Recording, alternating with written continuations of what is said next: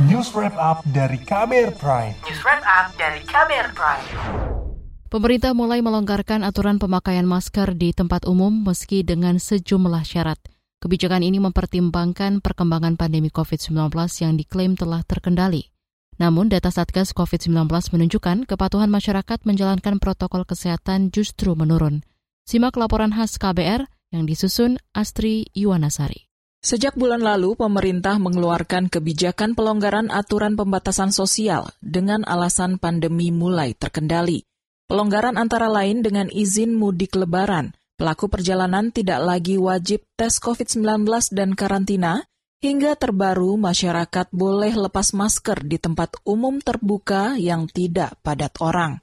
Menteri Kesehatan Budi Gunadi Sadikin mengatakan kebijakan pelonggaran ini membutuhkan keterlibatan dari masyarakat untuk tetap sadar dan bertanggung jawab dalam menjaga kesehatannya masing-masing. Sekarang masyarakat memegang peranan yang lebih besar untuk menentukan langkah-langkah atau protokol kesehatan apa yang harus dilakukan oleh dirinya sendiri untuk melindungi dirinya sendiri dan juga orang lain. Menteri Kesehatan Budi Gunadi Sadikin mengatakan pelonggaran demi pelonggaran yang dilakukan pemerintah merupakan salah satu bagian dari masa transisi yang disiapkan secara bertahap menuju fase endemi bahwa salah satu hal yang paling penting untuk bisa melakukan transisi dari pandemi ke endemi, selain data-data saintifiknya adalah pemahaman masyarakat bahwa tanggung jawab kesehatan itu ada di diri masing-masing. Jadi sekuat apa pun negara mencoba mengatur masyarakatnya untuk berperilaku hidup sehat, tetap yang paling baik adalah kesadaran untuk berperilaku hidup sehat itu ada di masing-masing individu. Sebelumnya, pemerintah juga melonggarkan aturan mudik lebaran yang selama dua tahun dilarang karena pandemi.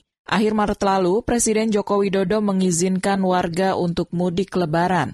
Namun, Jokowi memberi syarat mudik karena pandemi COVID-19 belum berakhir. Bagi masyarakat yang ingin melakukan mudik lebaran juga dipersilahkan, juga diperbolehkan. Dengan syarat sudah mendapatkan dua kali vaksin dan satu kali booster, serta tetap menerapkan protokol kesehatan yang ketat. Sayangnya masih banyak masyarakat yang tidak patuh menjalankan protokol kesehatan. Data dari Satuan Tugas Penanganan COVID-19 menunjukkan tingkat kepatuhan masyarakat dalam menjalankan protokol kesehatan menurun selama libur puasa dan lebaran.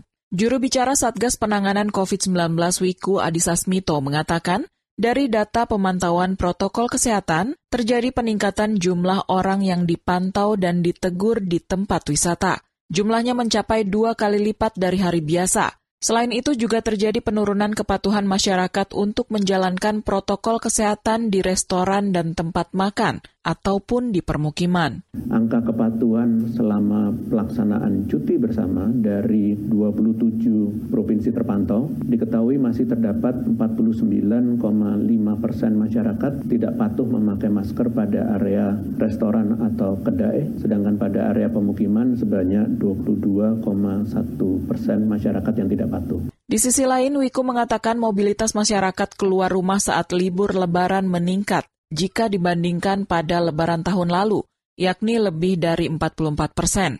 Peningkatan mobilitas ini berpotensi meningkatkan kasus penularan COVID-19.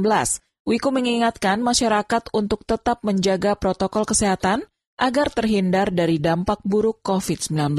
Saya menghimbau kepada masyarakat untuk terus menerapkan protokol kesehatan seperti memakai masker, menjaga jarak yang relatif aman, dan mencuci tangan masih sangat diperlukan pasca lebaran ini untuk meminimalisir efek pingpong penularan COVID-19. Ahli epidemiologi dari Universitas Indonesia Tri Yunis Miko Wahyono mengatakan, masyarakat mulai abai dengan pelaksanaan protokol kesehatan saat libur lebaran dengan adanya berbagai pelonggaran protokol kesehatannya ya. Ada abai pada lupa pada gelombang kedua yang banyak kematiannya dan juga banyak rumah sakit penuh. Mungkin dari gelombang ketiga tidak banyak kemati walaupun kasusnya lebih banyak mungkin orang-orang lebih berani begitu. Triunis Miko Wahyono memperkirakan ada potensi terjadinya gelombang keempat COVID-19, meski tidak setinggi gelombang kedua ataupun ketiga. Menurutnya, saat ini testing dan tracing yang dilakukan jauh menurun dibanding sebelumnya kalau sudah diwajibkan ke pergi ke mana-mana tidak wajib. Kemudian eh, orang-orang sudah tidak peduli ya kalau batuk-batuk ringan ya udahlah nggak periksa apa pun begitu. Jadi kalau dulu kan batuk-batuk juga atau panas sedikit aja udah periksa antigen lah PCR lah begitu. Nah sekarang orang sudah tidak peduli dengan pengalaman gelombang ketiga begitu. Demikian laporan khas KBR saya Astri Yuwanasari kamu baru saja mendengarkan news wrap up dari KBR Prime. Dengarkan terus kbrprime.id, podcast for curious minds.